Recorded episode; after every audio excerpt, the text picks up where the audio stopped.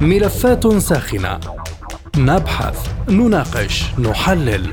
نتابع التفاصيل اولا بأول. ملفات ساخنة. برنامج يلقي الضوء على كل الملفات.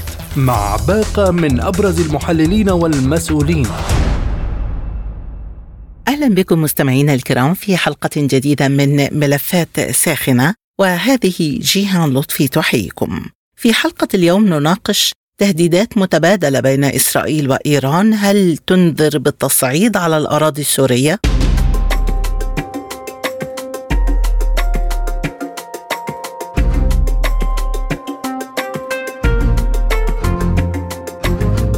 بعد تهديدات وزير الدفاع الإسرائيلي بدفع إيران وحزب الله خارج سوريا توعد محمد رضا تويسركاني ممثل المرشد الأعلى الإيراني إسرائيل بالرد على جريمة قتل المستشارين العسكريين في سوريا وقال المسؤول إن جريمة إسرائيل بقتل مستشارين في الحرس الثوري بسوريا لن تمر دون عقاب وستكون مقدمة لانتصارات كبيرة في هذا العام. جاء ذلك في أعقاب مقتل المستشارين العسكريين النقيب مقداد مهقاني جعفر أبادي وضابط بالحرس الثوري ميلاد حيدري في هجوم إسرائيلي بمحيط دمشق يوم الجمعة. في سياق متصل قال وزير الدفاع الإسرائيلي يوآف جالانت إنه لن يتم سماح لإيران وحزب الله بإلحاق الأذى بإسرائيل على حد تعبيره وسندفعهم خارج سوريا فهل تنذر هذه التهديدات المتبادلة بالتصعيد على الأراضي السورية؟ حول هذا الموضوع تدور نقاشاتنا في حلقة اليوم من ملفات ساخنة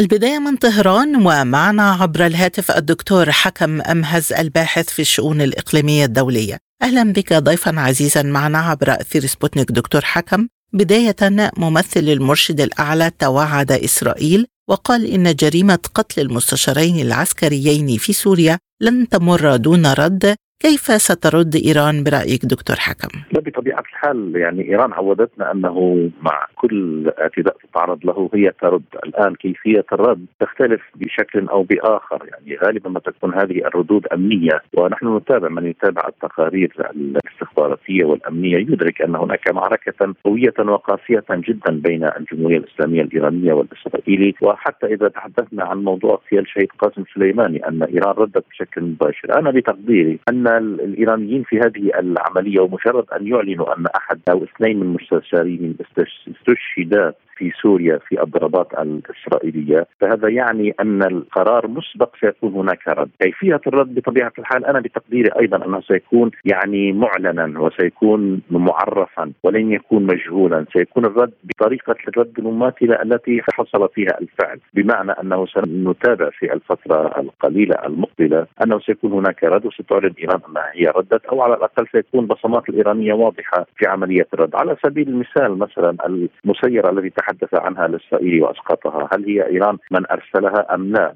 بتقديري أنه لن يكون هناك مرور لهذه الجريمة بدون أن يكون هناك رد رد قاصر من الجمهورية الإسلامية الإيرانية، هنا أذكر أنه في العام 2018 كان هناك اعتداء إسرائيلي على بعض مواقع المستشارين الإيرانيين في سوريا، وبالتالي أطلق الإيرانيون في ذلك الوقت 21 صاروخا على مواقع عسكرية وغير عسكرية إسرائيلية في الداخل في داخل الكيان واسميت تلك الليلة بليلة الصواريخ، وبالتالي حدثت يعني تدخلات دولية كبرى يعني حتى توقفت هذه العملية والا كانت الأمور ستجر إلى ما هو أكبر، فأنا أعتقد أن ايران كما عودتنا سترد وسترد بقوة. بالحديث عن الردود الإيرانية السابقة سبق أن توعدت إيران مرارا بالرد وحتى الآن لم نشهد ردا قويا على الأحداث الكبرى مثل اغتيال الجنرال قاسم سليماني في العراق واقتصر الرد على عمليات محدودة على قواعد أمريكية ماذا تنتظر إيران لتقوم بالرد المتناسب مع طبيعة الأعمال؟ هناك أكثر من رد حصل، فيما يتعلق بموضوع موضوع اغتيال الشهيد قاسم سليماني، إذا اعتبرنا أن الإسرائيلي ليس هو هو عنصر مباشر في هذه العملية، الجمهورية الإسلامية الإيرانية ردت باستهداف قاعدة عين الأسد التي يتواجد فيها القوات الأمريكية. ونحن نعرف أنه منذ الحرب العالمية الثانية لم يتجرأ أحد على استهداف الولايات المتحدة الأمريكية، فأن تقوم إيران وتعلن بأنها هي استهدفت هذه القاعدة وبعد ذلك اعترف الأمريكي بأن هناك عشرات الجنود أصيبوا في هذه العملية فهذا يعني هذا إنجاز كبير جدا يحسب لإيران، هذه النقطة الأولى، النقطة الثانية أنه فيما يتعلق بموضوع الانتقام للشهيد قاسم سليماني إيران حددت الانتقام هو إخراج القوات الأمريكية من المنطقة، الآن ما هي الفترة الزمنية التي تعمل بها إيران مع محور المقاومة على إخراج القوات الأمريكية من المنطقة؟ انتقاما للشهيد قاسم سليماني وانتقاما لشعوب هذه المنطقة التي تتعرض للانتهاكات ومصادرة سيادتها واستقلالها وثرواتها من قبل الولايات المتحدة الأمريكية، فهذا الأمر يرتبط بالإمكانيات التي تتحرك فيها إيران مع محور المقاومة في هذه المنطقة، فلذلك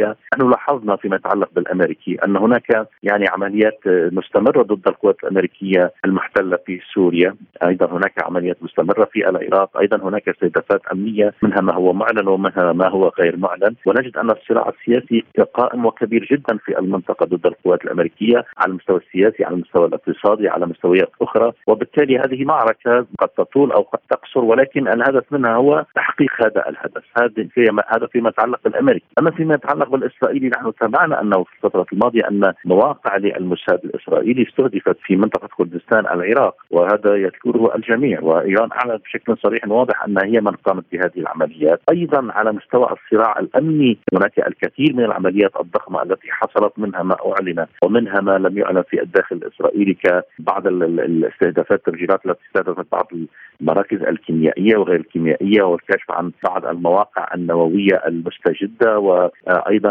الكشف عن أن هناك عميلا ايرانيا في داخل منزل وزير الحرب الإسرائيلي السابق بني جانس. وأيضا قبل ذلك نذكر في العام 2012 أن وزيرا اسرائيليا حكم بتهمه التعامل مع إيران وبطبيعه الحال الاختراق السبراني الكبير الغير مسبوق أو الهجمات السبرانيه غير المسبوقه التي تتعرض لها مواقع الاحتلال الإسرائيلي الحساسة جدا إلى آخره من هذه المعارك. فلذلك لا يمكن أن نقول أنه ليس هناك من ردود. هذه معركة وهذه معركة طويلة جدا وبالتالي تتخذ اشكالا مختلفة منها ما هو أمني وما هو عسكري. فعمليا الفكرة الأساسية أو المبدأ الأساسي من هذا السياق الذي قدمناه هو أن إيران ترد ولا يمكن أن لا ترد. هي قرارها الرد وإمكانياتها كبيرة جدا على الرد واصلا في صلب سياساتها الرد على على المعتدين. بالحديث عن عمليات الاختراق دكتور حكم إسرائيل تقوم بعمليات موجعة لإيران. برأيك هل هناك خرق أمني عالي المستوى في صفوف إيران وإسرائيل تتحدث عن هذا صراحة؟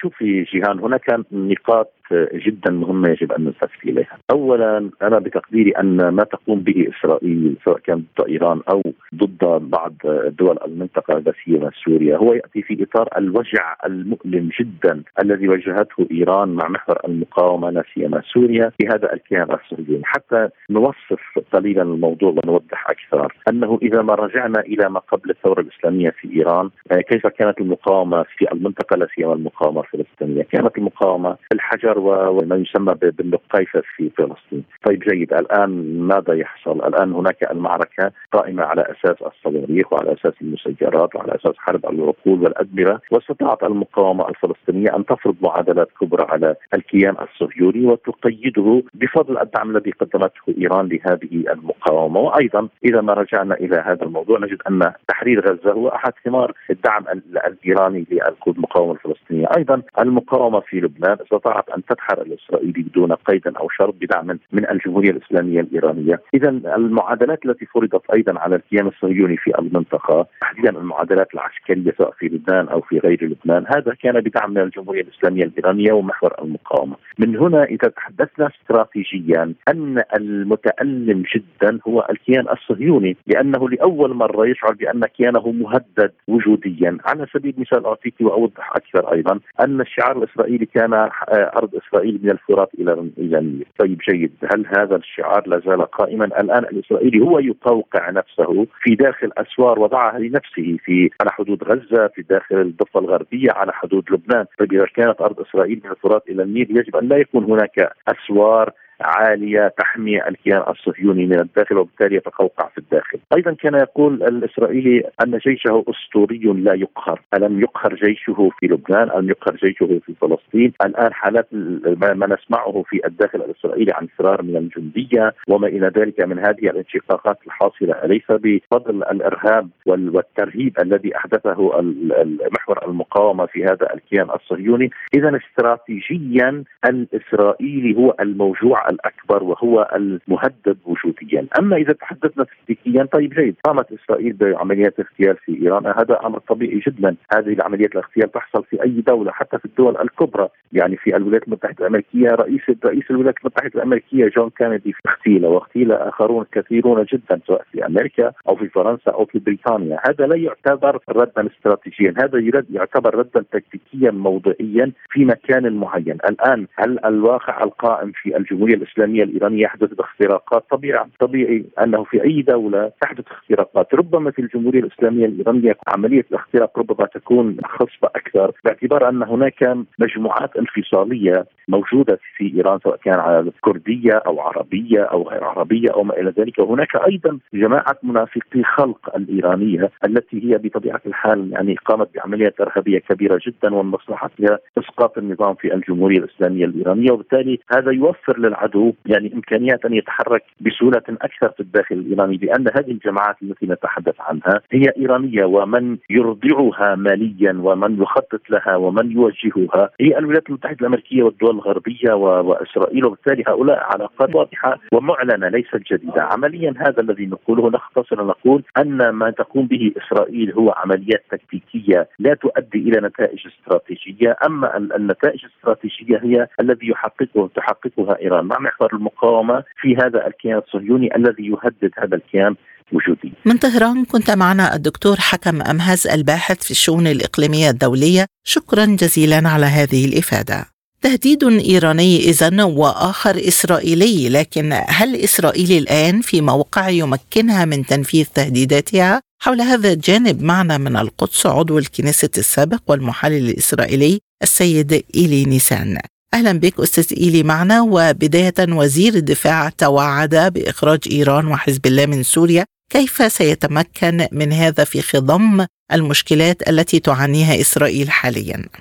سيدي أن إيران اعتقادا منها أن بسبب الأوضاع الداخلية في إسرائيل والمظاهرات وربما بعض التيارين الذين يرفضون الانخراط إلى إلى خدمتهم بشكل خاص التيارين المتطوعين، إيران تفكر أن إسرائيل أو الشعب في إسرائيل وليس في إيران وإنما أيضا حسن نصر الله أن الشعب في إسرائيل والجيش في إسرائيل متفكك. ولذلك هناك إمكانية وفرصة لتوجيه ضربات إلى إسرائيل. وكما رأينا المحاولة من قبل حسن نصر الله إرسال مخرب وتفجير سيارة في مفترق مجيدو. ثم إيران آه، أرسلت قبل يومين طائره مسيرة بشمال إسرائيل وهناك محاولة لربط كل الجبهات إذا كان في الشمال إذا كان من قطاع غزة حيث حركة حماس أرسلت يوم أمس أيضا طائره مسيرة تجاه إسرائيل وتم إسقاطها كما تم إسقاط الطائره الإيرانية قبل يوم. وأيضا محاولات من قبل حركة حماس إذا كانت من قطاع غزة أو من لبنان تهجيج الأوضاع في أورشليم القدس وفي الضفه الغربية من خلال القيام بعمليات إرهابية داخل إسرائيل وداخل الضفه الغربية. ولذلك من هنا جاء تصريح وزير الدفاع قال أن إسرائيل لن تقف مكتوفة الأيدي تجاه ما تقوم به إيران من إمكانية استهداف مواقع إسرائيلية أو تأجيج الأوضاع في الضفه الغربية أو على الحدود في قطاع غزة أو على الحدود في لبنان. اذا هل سيقتصر التصعيد الإسرائيلي ضد الوجود الإيراني وحزب الله في داخل سوريا فقط أم يمكن أن يمتد إلى مناطق أخرى مثل لبنان كما تفضلت؟ في الوقت الحاضر أعتقد أن ليس لإسرائيل وليس لحزب الله الرغبة لفتح جبهة في لبنان ولكن إذا حسن نصر الله يفكر كما فكر في عام 2006 وقام باختطاف الجنديين الإسرائيليين وبدأت الحرب حرب لبنان الثانية وثم قال حسن نصر الله إنه ندم على ما قام به لولا لولا كان يعرف ما هو الرد الإسرائيلي لما قام بهذه العملية. أعتقد أن أيضا حسن نصر الله يخطي هذه المرة أيضا إنه يفكر بأن هناك بسبب الأوضاع الداخلية الجيش الإسرائيلي أو المجتمع الإسرائيلي متفكك. في الوقت الحاضر إسرائيل توجه ضربات لميليشيات ايرانيه ولكل ما يتعلق بإيران في سوريا وأيضا لمنظمة آه، حزب الله في سوريا. واذا حصل يقول بتوتر الأوضاع طبعا إسرائيل تعرف كيف تتعامل مع مع حسن نصر الله ومع منظمة حزب الله. معادلة الأمن الإقليمي تغيرت لصالح إيران سيد إيلي بعد المصالحة السعودية والتطبيع مع الخليج أيضا يخيم عليه التوتر، على أي شيء تعول إسرائيل اذا في هذا التصعيد؟ اولا إسرائيل تعول على قدرتها وعلى نفسها بكل ما يتعلق بإيران، طبعا هناك علاقات استراتيجية وعسكرية بين إسرائيل وبين الولايات المتحدة. رغم الخلافات في وجهات النظر في الأمور السياسية بين رئيس الوزراء نتنياهو وبين بايدن ولكن كل ما أراه اليوم على سبيل المثال بين إيران وبين السعودية هو شكلي كأن المجتمعات هي مجتمعات مختلفة. إيران هي دولة شيعية السعودية دولة إسلامية سنية وهناك مصالح لأن المصلحة الكبرى اليوم تقتضي بأنه ينتهي الحرب في اليمن بين الحوثيين وبين السعوديين وهذا هو المطلب السعودي. أما التهديدات الإيرانية تستمر في منطقة الشرق الأوسط وهناك مخاوف من قبل العديد من الدول العربية أن اذرع إيران تلعب هون وذنب إيران يلعب هون في منطقة الشرق الأوسط كما لعب في الماضي والمستقبل هو الذي يكون يقول كلمته بهذا الموضوع. من القدس عضو الكنيست السابق والمحلل الإسرائيلي إيلي نيسان كنت معنا شكرا جزيلا لك. إذا كيف ستكون تداعيات هذا التصعيد على أمن واستقرار المنطقة؟ حول هذا الجانب معنا من القاهرة الدكتور مدحت حماد أستاذ الدراسات الإيرانية بجامعة طنطا ومدير مركز الفارابي للدراسات الاستراتيجية. أهلا بك معنا عبر أثير سبوتنيك دكتور مدحت. وبداية ما هي طبيعة الرد المتوقع من إيران على جريمة قتل المستشارين العسكريين الإيرانيين؟ وهل تمثل الطائرة المسيرة التي اقتحمت إسرائيل وتم إسقاطها بداية لحرب مسيرات؟ طيبه والساده المستمعين أعتقد إنه ما حدث أمس من إسقاط المسيرة الإيرانية من جانب إسرائيل هو بداية نفاذ الصبر الإيراني على عملية القتل الممنهج والمنظم التي تقوم بها إسرائيل للإيرانيين العاملين في سوريا من قادة الحرس الثوري أو حتى جنود الحرس الثوري. في اعتقادي الشخصي إنه ما تتلقاه إيران من صفعات تتمثل في قتل رجالها أو جنودها ومستشاريها العسكريين في سوريا هذه الصفعات المتتالية على مدار عام ونصف بدأت تشكل ضغطا على القيادة السياسية في إيران، القيادة الدينية في إيران وبالتالي أعتقد إنه العد التنازلي الفعلي لبدء الرد الإيراني على هذه الاغتيالات وهذه الجرائم الإسرائيلية التي ترتكبها بحق الحرس الثوري الإيراني قد بدأ أمس. يعني كما نقول في المثل المصري السماء بدأت تمطر بدأت تندع مطر. فبالتالي أعتقد إنه الأمر جد جدا هذه المرة وإنه ربما هناك خطة بدا تنفيذها وضعت من جانب الحرس الثوري بالتعاون مع حسن نصر الله في لبنان لتنفيذ منظومة الرد الإيراني، الرد الإيراني لن يكون حربا مباشرة لأنه ما فيش حدود جغرافية ولن يكون من خلال إشعال جبهة حسن نصر الله وحزب الله في لبنان، لا أعتقد إن الرد الإيراني ربما يكون في داخل إسرائيل نفسها. اذا كيف تقيم حضرتك تهديد وزير الدفاع الإسرائيلي بدفع إيران وحزب الله إلى خارج سوريا؟ وهل إسرائيل قادرة على فعل ذلك في خضم مشكلاتها الداخلية حاليا؟ أعتقد إنه آه، حزب الله داخل سوريا ليس كما هو الشأن بالنسبة لحزب الله آه، اللبناني هو ربما يكون يعني طور التكوين لكن الظروف الداخلية في سوريا مختلفة تماما عن الظروف الداخلية في لبنان وبالتالي تكرار تجربة حزب الله اللبناني في داخل سوريا هو أمر مستبعد. لكن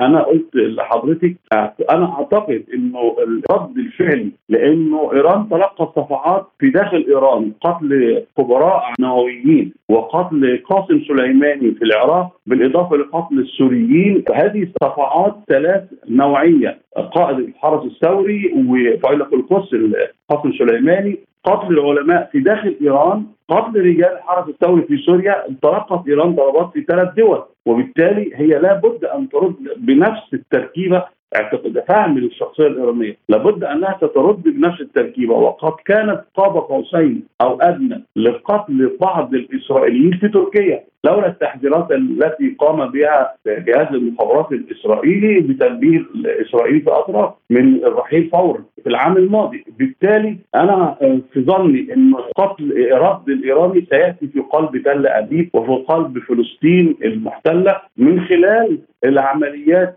الاستشهادية من خلال عمليات إطلاق النار المباشر من جانب أفراد. ليس لهم تاريخ جهادي بالنسبة لإسرائيل ولأجهزة الأمن الاسرائيليه ولا حتى لأجهزة السلطة التنفيذية الفلسطينية السلطة الفلسطينية. سيكون هناك رد إيراني نعم حتما ولكن من شخصيات لا يوجد لديها أي ملفات أمنية في لا عند السلطة الفلسطينية ولا عند إسرائيل. وقد تكون هذه الخطوات في الفترة القادمة. يعني أعتقد إنه القيادة الدينية في إيران المرشد علي خامنئي وعندما يخرج نائب المرشد ليتحدث عن رد قادم وعندما يخرج الحرس الثوري يتوعد برد قادم فإنه ده بيعني إنه النظام السياسي في إيران أصبح يواجه ضغوطا داخليا انت لغايه دلوقتي ما ردتش على الانتهاكات الإسرائيلية والاعتداءات الإسرائيلية بالشكل الذي يجب أن يكون ولهذا أعتقد إن ال 15 يوم اللي جايين ربما سنشهد بعض الردود الإيرانية على ما حدث لرجالها أو ما يحدث لرجالها والمستشارين العسكريين في السنة ونصف اللي فاتت. اذا وبالحديث عن هذه النقطة دكتور مدحت بالنسبة للإجراءات الإسرائيلية برأيك هل سيقتصر التصعيد الإسرائيلي على الوجود الإيراني وحزب الله داخل سوريا فقط؟ المجال لا يسمح لإسرائيل إن هي ترد خارج سوريا وخارج فلسطين المحتلة. هي مجال الرد زي ما قلت لحضرتك في الفترة اللي فاتت. كان طبعا عملية اغتيال قاسم سليماني كانت أمريكية بامتياز والرئيس ترامب أعلن أنه هو الذي أصدر الأمر وهذه العملية تمت في داخل العراق وهي تكاد تكون العملية الوحيدة باستثناء طبعا عملية ما قامت به إسرائيل من اغتيالات في شمال العراق. لكن المجالات الحيوية للرد الإسرائيلي دائما ما تكون سوريا وفلسطين. حتى لبنان خرجت عن دائرة الرد اللي لما تعلمه إسرائيل من أن قدرة حسن نصر الله على الرد والرد الفوري والرد الفوري والمباشر الموجع الذي يرضعها أصلا وبالتالي ما أراه هو أن الرد الإسرائيلي إن كانت هناك ردود غالبا ستقتصر على فلسطين المحتلة وعلى سوريا المنتهكة سيادتها بشكل ممنهج من جانب القوات الجوية الإسرائيلية وفي داخل إيران من خلال بعض العمليات النوعيه. الرد الإسرائيلي في اليمن ربما يكون مستبعدا بشكل كبير نظرا لأنه هناك تفاهمات وترقب أصلا للقاء وزيري الخارجية الإيراني والسعودي وبالتالي إسرائيل ستمتنع عن إشعال أو إحداث توتر في اليمن. خشية أن تصير غضب وحفيظه المملكة العربية السعودية التي بدأت تهندل وترتب علاقاتها من جديد مع إيران. في ظني هذه هي الدواعي التي يمكن أن نشهد فيها ردا إسرائيليا على الإيرانيين. بالحديث عن الدور الأمريكي، واشنطن مددت عمل حاملة الطائرات جورج بوش قبالة السواحل السورية. هل يربك هذا معادلة القوى بين إسرائيل وإيران برأيك؟ لا لا لأن في اعتقادي ما قامت به الولايات المتحدة الأمريكية أمس ليس المقصود به إيران بالطبع إنما المقصود به روسيا ومقصود به فرض حصار بحري شرق أوسطي حوض شرق المتوسط وإحداث تهديد استراتيجي القوات الروسيه الموجودة والقاعدة البحرية الروسية الموجودة في في سوريا. الهدف من تواجد من إعلان مد عمل حامله الطيارات في الشرق المتوسط هو روسيا وليس إيران. أسمحي لي أيضا في هذا الصدد يمكن أن نشير إلى ما قامت به أعلنته أمس الولايات المتحدة الأمريكية من أنها تعمل على تشاور مع الإيرانيين والإسرائيليين من أجل رفع بعض العقوبات على إيران حتى تقوم إيران بالعودة مجددا للبرنامج النووي اتفاقية الخاصة بالبرنامج النووي الإيراني. ربما ما أعلنته أمريكا أمس من تشاورها مع إسرائيل ومع الدول الأوروبية ربما الهدف منه مغازلة ايران من أجل الحلف أو ربما تظن أنها إذا تمكنت من مغازلة ايران سوف تعمل على خدش أو تقويض التحالف الاستراتيجي الإيراني الروسي. وأعتقد إنه الولايات المتحدة الأمريكية هي خطأ تماما في هذا الأمر لأنه لا إيران ولا روسيا يمكن لاي منهما أن يضحي كل منهما بالآخر خصوصا وأنهما الدولتين مع اختلاف طبيعة النظام السياسي من الناحية الدينية مع اختلاف العقيدة العسكرية في كل من إيران وروسيا إلا أنهما يتفقان أصبح على قلب رجل واحد كما يقول المثل في مصر فيما يخص اليقين بعدوانية الولايات المتحدة الأمريكية ونواياها الخبيثة تجاه المشرق بصفة عامة ومنطقه غرب آسيا بصفة خاصة. وبالتالي في ظني أعود لسؤال حضرتك إنه التمديد عمل حامله الطائرات الأمريكية في روسيا الهدف الأساسي من روسيا وقد تأتي إيران في مرتبه بعد كده إذا ما اشتعلت الجبهة بين حسن نصر الله وبين إسرائيل في جنوب لبنان. بعد تخطي إيران مرحلة المواجهة مع السعودية برأيك هل يتم استدراج إيران الآن إلى مواجهة مع إسرائيل على الأراضي السورية؟ آه لسه يعني هو نعم هو هناك تصعيد يعني معدلات الاستفزاز الإسرائيلي للصبر الإيراني وللإيرانيين بالتالي آه تزايدت بشكل كبير في الفترة الأخيرة خصوصا مع اشتعال الأزمة في داخل إسرائيل أزمة النظام السياسي في داخل إسرائيل. وكأن إسرائيل بصدد انتهاك سياسة الهروب إلى الأمام أن تتجه إلى إحداث حاله من الحرب الخارجية من أجل توحيد الداخل وده شغل نتنياهو طبعا توحيد الداخل الإسرائيلي أو عودة الاصطفاف الداخلي الإسرائيلي باتجاه بوصله واحدة. هذا الأمر مدرك يعني تدركه إيران جيدا وربما لو حصل الكلام ده أنا أيضا حتى لو يعني إذا حصل الكلام ده إنه يتم تصعيد الرد الإسرائيلي في على إيران في سوريا، إسرائيل ليست بالغباء لأنه حسن نصر الله وقائد الحرس الثوري في إيران ووزير الدفاع الإيراني جميع القادة العسكريين في إيران أعلنوا إنه اشتعال الحرب في سوريا بالمفهوم الشامل سيستدعي رفضا من حزب الله مباشره ولسه حصل نصر الله أي الكلام ده. وقال أكثر من كده إنه ستفتح أكثر جبهات إقليمية متنوعة. على إسرائيل إذا ما تم اشتعال الموقف في سوريا. وأعتقد إن هو يلمح في هذا الأمر إلى الجبهة الداخلية الإسرائيلية يعني حماس والجهاد وكلها على علاقات وثيقة مع إيران. التسليح العسكري للمقاومة الفلسطينية كلنا نعرف أنه هو made in Iran صناعة إيرانية دعم إيراني تكنولوجي عسكري مالي تقني هو دور إيران في وقد اعترفت القيادات العسكرية لحماس والجهاد بهذا الدور الإيراني في عملية سيف القدس في 2021 في النهاية أعتقد إنه لا يعني حتى إذا فكرت إسرائيل في أن تفتح جبهة مباشرة مع إيران في سوريا أعتقد إن هي ستدفع ثمنا غاليا. أخيرا دكتور وشكرا لوقت حضرتك. ما تداعيات هذا التصعيد على الأمن الإقليمي من جهة؟ وعلى مسار التطبيع الخليجي مع إسرائيل من جهة أخرى. فيما يخص التطبيع الخليجي مع إسرائيل أعتقد السعودية بشكل غير مباشر فرملت عجلة التطبيع مع إسرائيل من خلال خطوة إحياء وإعادة العلاقات مع إيران. المملكة العربية السعودية بإعادة العلاقات مع إيران العلاقات الدبلوماسية حتما سيأتي اليوم في المستقبل القريب الذي سيتم فيه تسوية ملف البحرين بين السعودية وإيران لأن هم الطرفين المباشرين المعنيين بالأمن بموضوع البحرين. وبالتالي فكرة اندفاع بعض بقية دول الخليج للتطبيع مع إسرائيل هي أصبحت مؤجلة تم تأجيلها إلى أجل غير مسمى هذا على هذا فيما يخص عجز التطبيق. بحديثي إلى أستاذ الدراسات الإيرانية بجامعة طنطا ومدير مركز الفارابي للدراسات الاستراتيجية الدكتور مدحت حماد نكون قد وصلنا إلى ختام حلقة اليوم من ملفات ساخنة. قدمته لكم جيهان لطفي وللمزيد زوروا موقعنا على الإنترنت